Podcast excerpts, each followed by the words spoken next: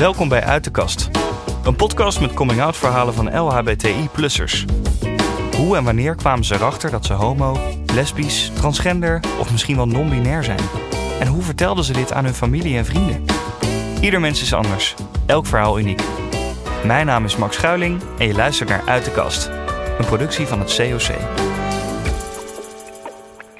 En in deze aflevering Piet van 80 jaar. We zitten in zijn appartement in Den Haag. Piet, welkom. Dankjewel. Ik zie allemaal mooie beeldjes uit vermoedelijk Afrika misschien, Indonesië. Indonesië en Nieuw-Guinea. En een soort Chinese lamp. Ja, die heb ik dus in Kuala Lumpur gekocht in Maleisië. Ah, kijk. Bent u zo'n man van de wereld? Graag. Ja. Ja? Ik zou heel graag nog veel meer willen zien. Maar als je wat ouder wordt, heb ik niet zo'n behoefte meer. Ah ja. En ik zie een aantal van dezelfde vlaggen. Waarvan ik eh, even niet weet waar ze vandaan komen. Dat is de, die, met, met die ster erin bedoel Ja, je? Dat ja. is de Morning Star of de Morgenster, net u het noemen wilt. En eh, dat is de vlag van Papua. Ah, kijk aan. Maar eh, wat, welke binding heeft u met dat land? Ja, ik heb er tien jaar gewoond. Eh, en de laatste anderhalf, twee jaar bijna militaire dienst gedaan. Oké. Dus u bent soldaat geweest. Ik ben, ja, soldaat, corporaal kok. Oké. En op Biak heb ik daar gezeten. En mijn ouders zaten er ook in die periode. Dus ja, allemaal prima. Ja. Nou, u zit in deze podcast natuurlijk omdat u een homo bent. Ja, klopt. Hoe lang weet u dat al? Oh, dat, eh, ik heb er over na zitten denken hoe lang dat weet. Ik denk vanaf mijn dertiende jaar ongeveer. Oké. Ja. Zat u toen ook al in Papua? Ja, Oké. ik was nog op lager, net, net van lagere school naar de MULO, denk ik, in die periode. Ja. Want hoe merkt u dat dan? Ja, god moet je horen, eh, hoe merk je dat? Eh, je komt andere mensen tegen en, en, en de een vind je leuk en de andere wordt je niet leuk. En ik denk dat ik voor het eerst een beetje verliefd werd ook op een, op een ontzettend aardige jongen die bij ons ook in, een busje zat naar school toe, elke dag. Oké. En dan denk je, ja, dit is, dit is, dit is, eh, dit- is geen meisje in ieder geval. En eh, zo voelde ik me ook helemaal niet. Nee. Je voelde je meer aangetrokken tot een jongen. Wanneer was de eerste keer dat u dacht... oké, daar moet ik iets mee... of daar, daar moet ik de wereld van op nou, de dat is, dat stellen? is heel lang geleden. Oké. Eh, uiteindelijk, ik wist geen, echt niet hoe dat, hoe dat zou gaan. Ik vroeg me eerst af, eh, of eerder af, hoe, eh, hoe moet je nou een meisje krijgen? Van, eh, want dat hoort toch zo, hè? We kwamen toch wel uit een traditioneel gezin. En ik hield ook wel van het gezin, als zodanig. Ik denk, ja, dat wil je zelf ook eigenlijk wel hebben. En dat is ook zo gelopen. En hoef je ook nooit eh, verstoppertje te spelen. Je mag gewoon zijn als, als zogenaamd wie je dan niet bent, maar wel bent. Zogenaamd? Bedoel je... Nou, dat je, dat je dus gewoon een heteroseksuele man bent en Ja. Die, die met een vrouw gaat trouwen en eh, kinderen krijgt. En zo is het ook gebeurd. Ja. Oké. Dus u bent ook echt met een vrouw getrouwd? ja, u heeft kinderen absoluut. gekregen. Bijna 18 jaar. Ja. Ja. Eh, ik ging naar Australië, even kijken, dat was in 63, meen ik. Ja, ging met de boot eh, voor een jongerenprogramma naar Australië. En dat hield in dat je dus maar minimaal een jaar, maximaal twee jaar daar mocht blijven. Moest je weer terug naar Nederland. En ik heb die reis nog een keer gemaakt als emigrant. En toen ontmoette ik dus mijn vrouw eigenlijk. eh, Ja. Werd u dan verliefd op haar? Nee, Dat maar ik vond het wel heel erg aardig. Hele charmante eh, jonge vrouw eigenlijk. eh net een paar jaar jonger dan ik. En toch met dezelfde ideeën. En ja, dat klikt eigenlijk heel erg goed. Ja. Maar ja, dan val je toch later wel een beetje door de mand. Want je bent, niet, je bent geen echte man. Eh, En dat heeft zij natuurlijk ook wel gemerkt. Maar natuurlijk was in Maar wat, Australië... bedoelt, wat bedoelt u met een echte man? Ja, eh, je, je hebt echte mannen, dat zijn een beetje macho figuren, weet je wel. Het, eh, die kunnen van alles en die doen van alles. En dat had ik ook helemaal niet. eh, nee, dat niet. Nee. Maar we hadden toch in Australië een, een goede band, want daar zijn we getrouwd uiteindelijk. En toen gingen we een huis kopen. Nou, dat is heel, zo gezegd zo gedaan. Oké, dus dat hele proces ging, ging eigenlijk vrij natuurlijk. Dat ging allemaal heel natuurlijk. Totdat we op een gegeven moment naar Nederland terug moesten. Want Ja. haar moeder werd ziek. En, en toen is het hier. Dat was juist het vreemde van alles. Zo goed als we het daar hadden met z'n tweeën eigenlijk. Toch een, een, eh, een homogeen spul voor je gevoel. En in Nederland was alles verdwenen. Toen heb, eh, heb ik wel verteld hoe de zaak aan elkaar zat.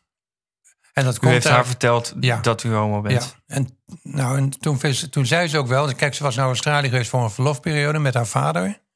Want ze had nog een zus daar in Melbourne. Ja. En in die tussentijd, ik ging wel naar, nou, netjes nog naar de kerk met de kinderen ook. Hè, Gereformeerde kerk in Noordeloos. Een hele lichte vorm van, van gereformeerde kerk. Met, ja. En daar leerde ik op een gegeven moment ook iemand kennen, een homoseksuele man. En daar ben ik mee gaan praten toen de tijd. En daar ben je al 41 of Ja, 40. Ja. ja. En toen kwam ik eigenlijk uit de kast. Hoe reageerde zij daar toen op? Ehm, Kijk, van, toen zei ze ook vanuit haar professie in de verpleging was homoseksualiteit geen probleem. Dus dat begreep ze wel, maar niet dat ik het was. Nee. Nee. Dat er iets aan de hand was, dat begreep ze ook wel. Ja. Want we hadden nog verder kunnen gaan als puntje paaltje kwam. Maar dat wilde ik niet, nee. En waarom wilde je dat niet? Ik had toen het idee van, ehm, ik ga in een dorp verderop wonen. Hm. En eh, dan zie je toch de kinderen heel veel, want zij werkte ook in de avonduren. En al die avonduren dat zij werkte, ben ik, was ik bij de kinderen. Dus we konden het zelf aardig goed oplossen. Maar ik wilde toch, die, eh, ik denk als de kinderen wat ouder worden, dan moeten ze, ik wil niet hier opgescheept zitten. Ik kreeg een heel eng gevoel in het huis. Voelde u zich niet thuis? Nee, helemaal niet. Nee. Maar ik vond het spook dat- gebeuren eigenlijk. En- maar dat heeft weinig te maken met uw eh, seksuele voorkeur. Was dat dan geen issue? En Dat was wel een issue, maar daar begon ik gewoon niet aan. Ik heb haar dus niet voor de gek gehouden wat dat betreft. Om, eh, ik heb er eigenlijk mee gewacht tot, tot de, eh, even kijken, tot ik vijf jaar later de echte deur uitging. En toen echt voor een scheiding gingen. Dus als ik het goed begrijp, bent u eh, weggegaan bij uw vrouw uiteindelijk. Ook omdat u zich niet thuis voelde in dat huis. In dat huis. En later, pas vijf jaar daarna, Ja. bent u echt wat Ja. tussen haakjes gaan doen met uw homoseksualiteit. Ja, precies. Dus je was al uit de kast gekomen, maar je kon er in feite voor je gevoel nog niet veel mee doen. Maar hoe komt dat? Ja, hoe komt dat? Er is altijd iets geweest dat me dan tegenhield. En wat is dat? Ja, wat is dat? Goeie vraag, zou ik nog niet weten. En daar heb ik, eigenlijk zit ik in dezelfde situatie nu. Wat houd je tegen? Ja, niks houdt me tegen, maar ik doe het gewoon niet. Is dat schaamte? Is nee, dat, eh, absoluut niet. eh, voelt het misschien alsof het niet hoort? Ook absoluut niet, nee. Nee hoor, het moet wel klikken. En eh, toen ik in Papendrecht ging wonen later, toen, toen kwam, kwam ik een vriend tegen. En daar ben ik dus mee gaan samenwonen. Ja. In Brabant notabene, Ja. heel leuk. En dan kon je gewoon jezelf zijn en met hem ook natuurlijk. Maar ook dat clashte eigenlijk. eh, Hm. niet, vanwege, niet op seksualiteit, Nee, nee. maar meer, eh, ja, dat we tien jaar... Gewoon omdat een relatie Ja, precies. kan eindigen. Ja. Ik wil even terug naar toen u jonger was. U zegt op uw dertiende kreeg je toch echt wel het gevoel... oké, dit is Ja. een beetje anders. Ja. Ik val niet op meisjes. Ik vind deze jongens vind ik eigenlijk wel leuk.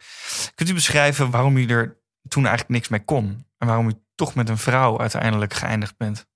Dat was ook een beetje het idee van, denk ik zelf, van eh, nou, dan hoef je, ni- hoef je niemand iets te vertellen, weet je wel. Want het was nog niet zo gewoon hoor, in die periode. Dat hoorde je later ook nog wel.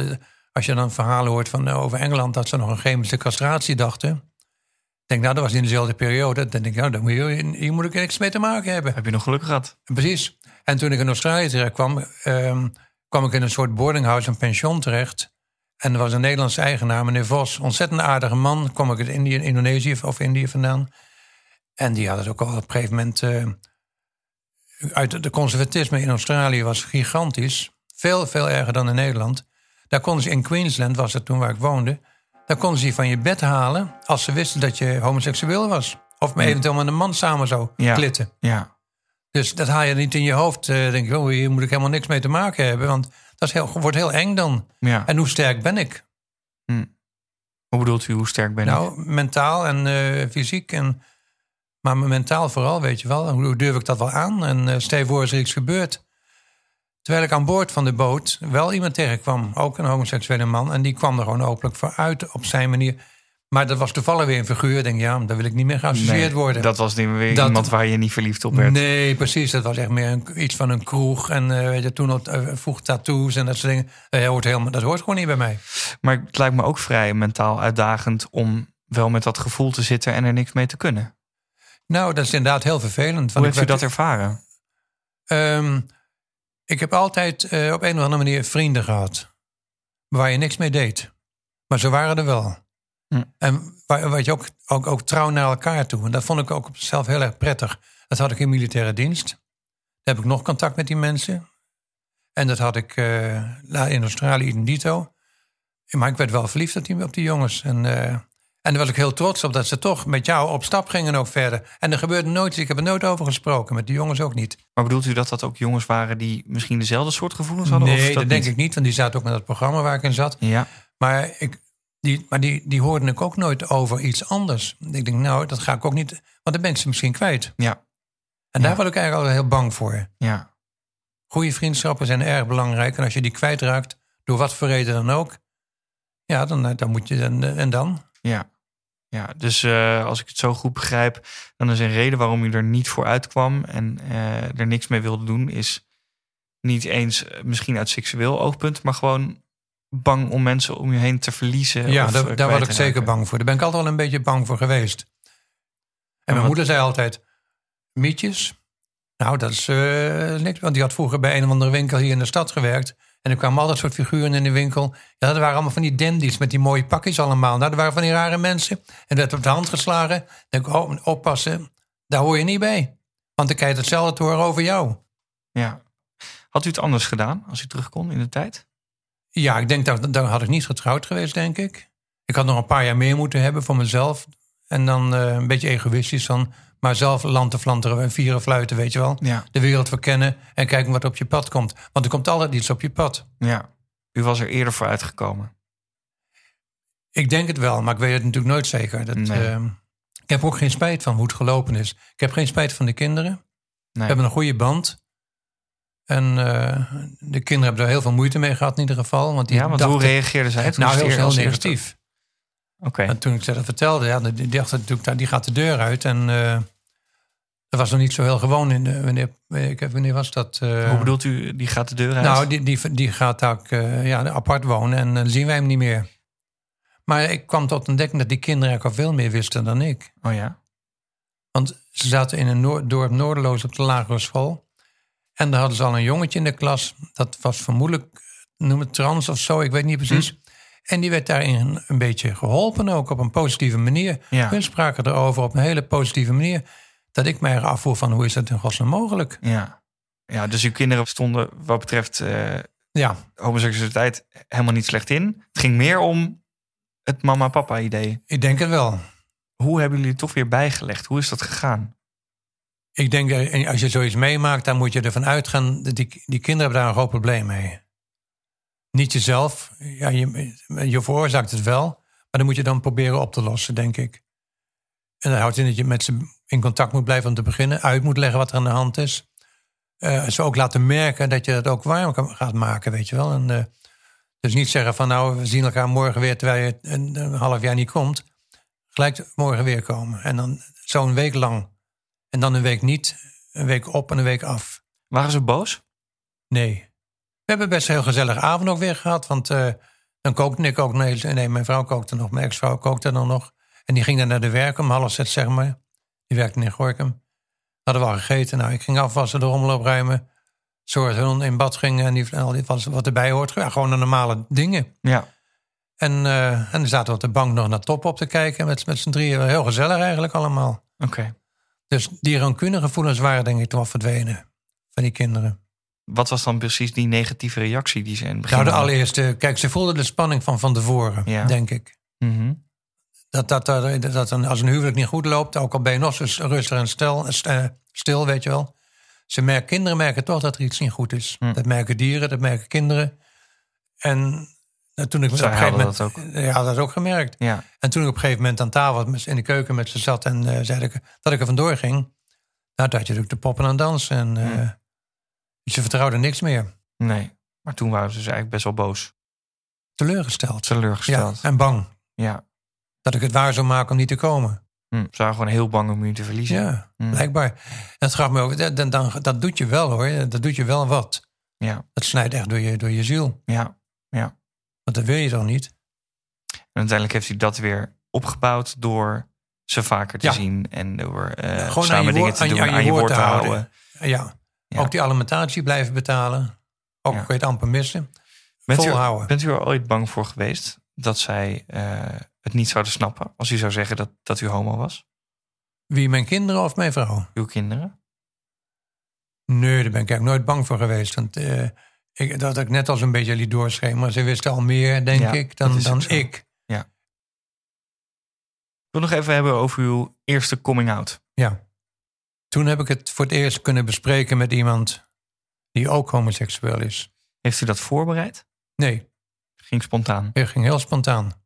Hoe voelde dat? Om het diegene nou, te het was een opluchting eerste klas.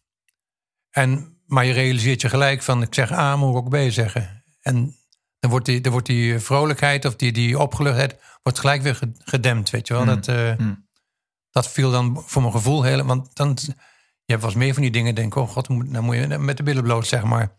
Dan moet je gaan vertellen hoe je in elkaar zit. En dan doe het maar eens. U wist het al heel lang, maar door het aan een ander te vertellen... Ja. voelde u, dan moest het maar... Dan moest, het, dan moest de rest van de wereld het ook weten, ja. Oké. Dat is een soort proces wat je dan meemaakt. En het werd wel een keer tijd ook dan. Hè? 41 was ik toen ik uit, ja, Ja, toen ik uit de kast kwam. ja. En toen heeft het u het aan uw vrouw verteld? Ja. Hoe heeft u dat gedaan?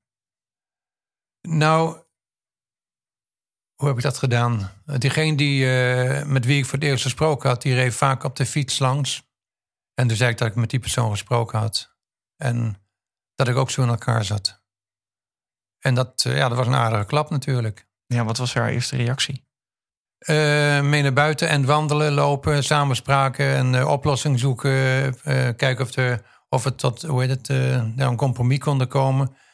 En ik dacht toch gelijk, nee, daar moet ik niet aan beginnen. Nou moet ik ook helemaal niks meer wat dat betreft. Geen compromis, dat bestaat ook niet voor mij. Nee. Nee, Nee. nee ik had toen een gevoel van dat het radicaal afgelopen was. Ja. Ja. Ja. Tja. Heeft zij het nooit aanzien komen? Nee, dat niet, nee. Nee, want zij dacht, dat, er was iets aan de hand in het huwelijk. Maar dat, dat, wat het was, dat wist ze dus niet. Dit was een schok voor haar. Wat wil je nou nooit meer meemaken? Het lastige is dat je, eh, dat heb ik altijd heel erg lastig gevonden, vroeger zeer zeker, dat je je moest bewijzen. Dat je het niet was.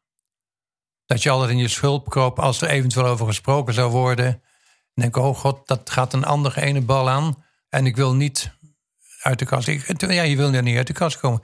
En dat merk je in Australië ook, wat nogal toch was, eh, ja, een streng land was op dat gebied. En want ik werkte toen in een keuken met 32 medewerkers. Mm. Ik was tweede chef. Mm. Ik denk, ja, als die de vraag gaan stellen. Trouwens, die vraag werd niet gesteld, want je was, je was getrouwd en je had kinderen.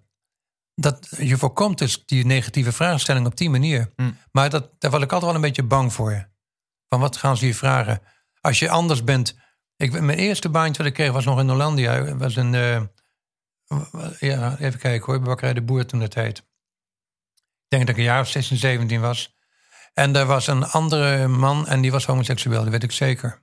Hmm. Dat merk je toch. Ja. Je hebt Ja. je zintuigen uit, eh, uit die zijn er, dat wakkert aan, of wakkert op, ik weet niet hoe je het noemen wil.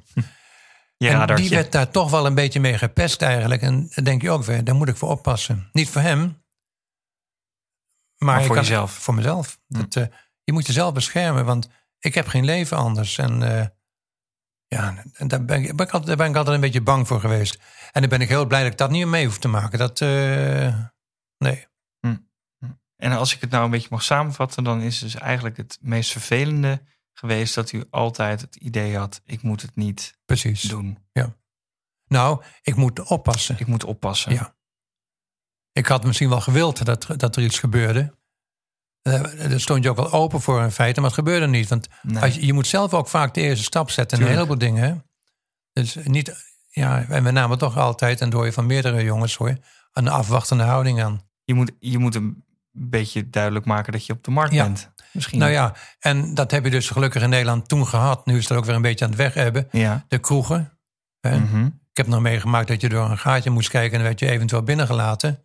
En nu is het allemaal open en bloot met open. hè, Dus, eh, nu is er geen probleem meer. Mm. De sauna's zijn ideale plekken daarvoor. Mm. Moet je ook niet al te veel rondhangen natuurlijk.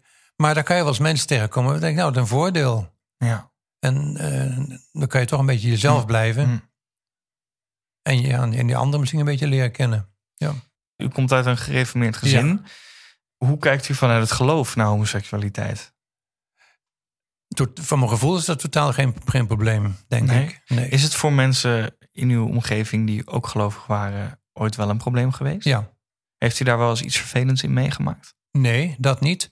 Maar wel eh, on- onwetendheid en eh, onkunde. Niet begrijpen. Nee. Kijk, die, die, die gereformeerde kerk is een heel, vond ik toch toen het, hij bestaat helaas niet meer. Hè. De, de samen op samen op weg geworden. En die gereformeerde traditie is, is, is weg. Ja. En dat vind ik- heel erg jammer. Mhm. Want het was een, eh, toch een synodale kerk. En een gereformeerde kerk, synode, die had al heel erg lang geleden, misschien wel 40, 50 jaar geleden, had hij het standpunt aangenomen van homoseksualiteit mag geen probleem zijn in het, in het ambt. Voor niemand. Hm. Ongeacht wie en wat je bent, je mag, je mag predikant worden, ouderling of wat Ja, ik wat. ja. Je mag alles doen gewoon, geen verschil. Dat vond ik heel bijzonder. Maar omdat het een synodaal besluit was, of uh, gegeven was, konden lokale kerkjes daarmee doen en wat ze wilden. Ah. Zo Noordeloos die was heel erg uh, prima allemaal, geen probleem, niks. Alles moet kunnen. We hebben Roze Zondag gevierd en alles daar. En een dorp verderop, daar werd het verketterd en verguisd. Hm. Hm. Dat, dat mocht allemaal niet daar. Een zonde. En het, dezelfde, dezelfde kerk. Ja. Heel ja, vreemd. Ja, ja. Um, Maar hoe, hoe, ja. hoe, doet u dat nu? Eh, als u iemand nieuw ontmoet, misschien iemand via de kerk Nou. of een. eh, komt u dan al vrij snel ook al uit de kast? Zegt u het tegen mensen? Heeft u het erover? Ik kom nooit meer iemand tegen die, die anders geaard is, over mijn gevoel. Heel raar. ja. maar vertelt u het wel eens aan mensen? Als ze het nodig vinden, ze kunnen altijd vragende beginnen, maar die vraag wordt nooit gesteld. Althans, niet aan mij. En, eh, maar daar sta ik wel voor op, natuurlijk. Iedereen mag het weten. Het, eh, ik heb geen geheime agenda wat dat betreft. Staat u nog open voor een partner? Nou, nu niet meer, denk ik. Nee? Word 80 jaar. Ik denk, nee, laat mij maar lekker in, in het flatje hier zitten. Hm. En eh, er komen mensen tegen hoor. En jawel. Maar niet voor een partner meer, nee. Nee. Moet wel heel bijzonder zijn. Heeft u ooit een, eh, grote, een grote liefde gehad? Zeker. Kunt u daar wat meer over vertellen? Ja, dat kan ik wel. Want daar heb ik ook over zitten nadenken. Hè. Wat was de eerste die eh, was die jongen van school, zeg maar. Eh, we gingen met een schoolbusje, was ik 13 jaar, denk naar de Mulo. En dan was ik een klein uur rijden Hm. van het dorp. Mijn vader zat in een, of we zaten als gezin in een garnizoensplaatsje. In Nieuw-Guinea dus. Ja. En eh dan gingen we met een schoolbusje naar de, naar de hoofdstad Hollandia toen de tijd. En daar stond een nieuwe school, de Mulo. En dan gingen we met die bus naartoe. Hm. En daar was een jongen, een Indische jongen. Hele mooie, echte. Ja, zo'n knappere jongen. Die had je, ik heb nooit een knappere jongen dan hem gezien. Voor mijn gevoel. En daar werd ik wel heel spontaan verliefd op. Ja, dat was, me- toen was ik 13, 14 jaar. Hmm. Hij zal het nooit geweten hebben. Maar we trokken wel met elkaar op. Nou, u heeft dan die eerste liefde gehad toen Ja. u 13, 13, Was? 14 jaar. 13, 14. Maar u heeft later ook een eerste relatie met een man gehad. Ja. Hoe, kunt u daar meer over vertellen? Eh, ja, wat zou je ervan willen weten? Dat, eh, Wanneer kwam u hem eh, voor het eerst kwamen elkaar tegen? tegen. Toen woonde ik op de, op de flatje in Papendrecht. En eh, toen heb ik gereageerd op een advertentie in de krant. Oh, wat voor advertentie was dat? Ja, drie in één had je vroeger. hè. In Trouw, Volkskrant en Parool had je de af- pagina's vol met advertenties. En dat was drie in één. eh, drie, de, advertentie kwam in drie kranten voor. Diezelfde Ah, advertentie. Dus half Nederland kon, kon daaruit kiezen. Ja, En zo kon je elkaar vinden. Nou, dan schrijf je elkaar. Dus, oh ja, een korte, leuke advertentie. Een man van, hoe oud was die? 40 geloof ik, ruim 40. Ik was net 50. En eh, die zocht een, een vriend. En in Brabant. Hij, ik denk, nou, ik woon in Papendrecht. Dat is niet zo ver van Brabant vandaan uiteindelijk. En ik had mijn eigen autootje. Ik denk, nou, ik kan makkelijk heen en weer rijden naar Brabant. heb ik ook gedaan. u dacht laten we eens gaan kijken wie dit ja, is. nou, toen hebben we elkaar, heb ik een brief geschreven. En hij had een heleboel brieven ontvangen. En mijn brief werd eruit gevist. Oh joh, Ja, hou je niet voor mogelijk. Wat had u eh, hem geschreven dan? gewoon een eerlijk verhaal, denk ik. En ehm, wat, wat ik zelf ook zocht. Ja, En, en ook een goede vriendschap. En eh, voor een relatie eigenlijk, ja. Nou, dat heeft twee jaar geduurd om te beginnen dat we heen en weer gingen reizen. ja, En later, eh, hij werkte niet zo ver uit. Even kijken, want dit was, dit was Rijen waar we terecht kwamen. ja. Maar hij woonde toen de tijd in Tilburg zelf. En hij werkte in Dongen. Nou, dat is allemaal een beetje datzelfde regio. U heeft wat afgereisd in Nou, Nederland. valt mee hoor. maar ehm, toen gingen we op elkaar kijken, gewoon, wat is nou verstandig? En waar, waar kan je gaan wonen met z'n tweeën? Ja, Nou, dat werd dus rijden. oké. En dat is, het is geen mooi dorp, maar een ontzettend aardig dorp. Ja, Ik heb met plezier toch een ruim tien jaar gewoond. En eh, daar hebben we een huis gekocht met z'n tweeën. In een straatje met zeven onder één dak. ja, En eh, met leuke buren allemaal, die allemaal wisten hoe wij in elkaar zaten. Dat hebben Ja. we ook gelijk aan die mensen Ja. verteld. oké. Hebben ze uitgenodigd. Hebben het ook allemaal geaccepteerd? Allemaal geaccepteerd, helemaal geen probleem. Hm. De anderen zeiden, ja, onze jongens, nou hou ik helemaal niet zo van zoiets. Maar goed, en, eh, en de buurman die keek af en toe wel extra naar binnen. Want ik denk, volgens mij zit hij ook zo'n beetje raar in elkaar. Ja, En dat, dat ga je dan krijgen. hè. Dan- Oké. ja, maar het was leuk. We hebben daar geen onvertogen ding meegemaakt eigenlijk in het dorp. Kon allemaal. oké. En eh, nou ja, maar op een gegeven moment, ja, hij ging toch vreemd af en toe. Oké. Ja, en Hoe kwam eh, je daarachter? eh, doordat hij ziek werd. Oké. Ik wist het wel, maar ehm, nee, op een gegeven moment we hadden een clash in, in, in onze relatie, zeg maar. Dat, dat, dat, ik weet niet, op een gegeven moment denk je, hier klopt iets. Heeft hetzelfde gevoel wat ik eerder met mijn vrouw had gehad. Ja. Had ik nu met hem. Alleen, om, alleen omgekeerd. Ik ging zeggen, wat is er aan de hand? Er is iets niet goed. Nee. En uh, hij zei, ja, ik heb een uh, ander flatje gevonden in Roosendaal. Ik, ik ga verhuizen. Zo, oh, nou. En toen heb ik hem geholpen met verhuizen. En ik denk, ja. En ik bleef in het huis achter. Het stond gelukkig op mijn naam. Ja. En uh, ik, het, zoiets kan je toch niet tegenhouden. Maar hij zei op een gegeven moment, zei hij, ik ga er vandoor en ik... Ja. ja. En zijn werkgever had hem daarbij geholpen bij het nieuwe appartementje in okay. Roosendaal. Ja. En na drie maanden wilde hij toch weer terugkomen en rijden. Maar dan had ik het gevoel dat ik het beter niet doen. Jij mag wel terugkomen en rijden. Maar niet bij mij in ieder geval. Nee. Dat, daar had ik geen zin meer in. Wel in de buurt zou ik leuk vinden. Want ik, en uh, toen kreeg hij van de gemeente toch een, een leuk appartementje toegewezen. En uh, gewoon een huurdingetje. Een Mm. leuk, echt uh, leuk spulletje. Mm. Nou, dat vond ik wel erg gezellig. Nou, we gingen om de zoveel tijd even een bakje koffie halen. En, en dat vond hij blijkbaar ook leuk. En we hebben de buren nog steeds uitgenodigd voor verjaardagen en dat soort dingen. Maar je kon wel merken dat hij, er was iets niet goed. En hij werd lid magerder. En hij ging vaak naar de huisarts. Hij viel met de fiets. En uh, het bleek dat hij toch HIV-AIDS had opgelopen. Ja. ja. ja. Maar die, dat zo'n huisarts dan weer dat we niet goed opgemerkt heeft... Dat heb ik wel die, die man een beetje kwalijk genomen. Want dat hij er eerder aan, aan geholpen kunnen worden. Hm. Maar nu kreeg hij een beschadiging in de hersenstam. En dat is heel naar. Hè? Ja. En hij zit nog steeds in een verpleeghuis. Oké, okay. hij leeft nog wel. Hij leeft nog, ja. Hm. Uiteindelijk bent u uit de kast gekomen toen u in de 40 was. Ja. Vroeg in de 40. 41, ja. 41. Dan heeft u er bijna, bijna 30 jaar toch rondgelopen met het idee: ik ben anders. Ja. En ik val op jongens. Ja. Kunt u iets vertellen over hoe het is om met dat, met dat geheim te leven? Ik denk niet dat ik het zo heel erg moeilijk heb gevonden. Wel verlangens naar, maar niet dat het. Het is heel moeilijk om dat uit te leggen, want het is eigenlijk niet uit te leggen. Je doet het gewoon. Ik heb het ook altijd heel vreemd gevonden dat een priester uh, celibatair kan leven, maar ze Hmm. doen het wel. Althans, Mm. daar mag je van uitgaan. Mm. En zo kan je zelf ook celibatair leven, denk ik. Heeft het niet geknaagd? Ja, een beetje wel. Tuurlijk, je had, je had verlangens wel. Je wist alleen niet hoe mee om te gaan. Nee. En dan, dan als je het niet weet en je komt, er, en je komt in omgevingen waar het uh, toch enigszins vijandig zou kunnen zijn, nou dan trek je je terug gewoon. En dan, uh, dan moet je ook tevreden zijn met hetgeen jij ook hebt. Klinkt heel erg raar. Maar, nee, ik snap het denk ik wel. Alleen wat is dan dat gevoel dat je, dat je niet jezelf kan zijn? Dus dat je, nou, dat, dat je, je uitgemaakt wordt voor iets wat je in feite ook niet echt bent. Ja, je bent homoseksueel. Mm. Maar die, dat allerlei schuttingwoorden of weet ik wat vertaalde gebruikt zou kunnen worden, die hoe je in elkaar zat. Dat, dat mensen je ook kunnen gaan, gaan negeren. En uh, op je werk, noem maar een voorbeeld. Ja. Nou, ik vind een goede werksfeer enorm belangrijk. Mm. En als je dan uitgemaakt wordt voor, voor nicht of uh, weet ik wat, of ja. homoseksueel of weet ik wat. Ja. Um, ik had niet, daar had ik niet goed tegen gekund, denk ik. Nee, nee. Want je moet altijd, en dat is de andere kant van de medaille, want dan moet je op je hoede zijn. En nu moet je eigenlijk ook altijd op je hoede zijn. Je moet altijd op je hoede zijn. Ja.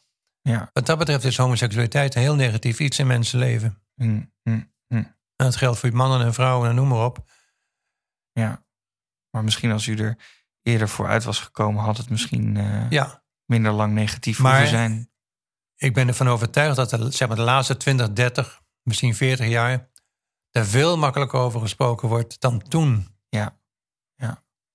Waar, ik, waar ik wel naar verlangde, dan zou ik denken, als er nou eens één persoon zou zijn, zou zijn met wie je kon praten, of waar je tegenaan kon leunen, of die zou zeggen van nou, zo zit het in elkaar. Maar die, die waren er gewoon niet. Die bestonden niet. Voor je, voor je gevoel dan. Hè, die bestonden niet. Een luisterend oor, een begrip. Mm. Mm. Wat voor tips heeft u nu voor mensen die luisteren en die misschien zelf twijfelen over een coming out? Zoek mensen op die gelijk aan jou zijn. En, met, en dan probeer er dan over te praten aan toe. Uh, niet met vreemdelingen of mensen die er eventueel dwars of, of er tegenover staan. En, of die geen begrip tonen. Uh, of het nou politiek of kerkelijk is, of weet ik het. Kerkelijk valt een beetje buiten de boot. Hebben niet zoveel meer tegenwoordig. Maar vroeger had je het heel veel. Maar je moet proberen inderdaad een paar mensen om je heen te zien, te creëren. die hetzelfde in elkaar zitten als jezelf. Ja. En daar gewoon mee kunnen praten. Hm. En die zijn er, die groepen. Kijk, ik, die, die 50-plus groepen waar ik naartoe ga. Nou, ik zou ze niet graag willen missen hoor. Het is maar een paar keer in de maand. En met corona missen we er eentje in, in, uh, in Delft. En ook, maar die, die mogen dus niet niet open zijn. Mm. Omdat het vaak in, in tehuizen gedaan wordt. Zoals in Delft heb je een eh, Mm. verpleeghuis. eh, en daar mogen ze nog niet met die... Mm. Mm. Ja, vanwege die corona natuurlijk. Maar ja, dan komen dan heel graag bij elkaar. En, en dan kan je, je kan ook elkaar vragen stellen. Nou, je kan ook vragen. En je, je kan, ja, ik weet niet, we organiseren dingetjes thuis ook. Met een verjaardag. eh, nou, laat je een stuk of twaalf mensen over de vloer krijgen. Kan nu even niet natuurlijk. Maar dat zijn reuze gezellige verjaardagen. Dat ouderwets is dan toch weer een beetje terug. Ja. Ja, Ik wil je heel erg bedanken voor uw verhaal. heel graag gedaan. Bedankt voor het luisteren. Dit was Uit de Kast. Een productie van het COC, de Nederlandse Belangenvereniging van LHBTI-plussers. Ben je fan van Uit de Kast? Laat dan een rating achter, zodat meer mensen de podcast kunnen vinden. Tot de volgende!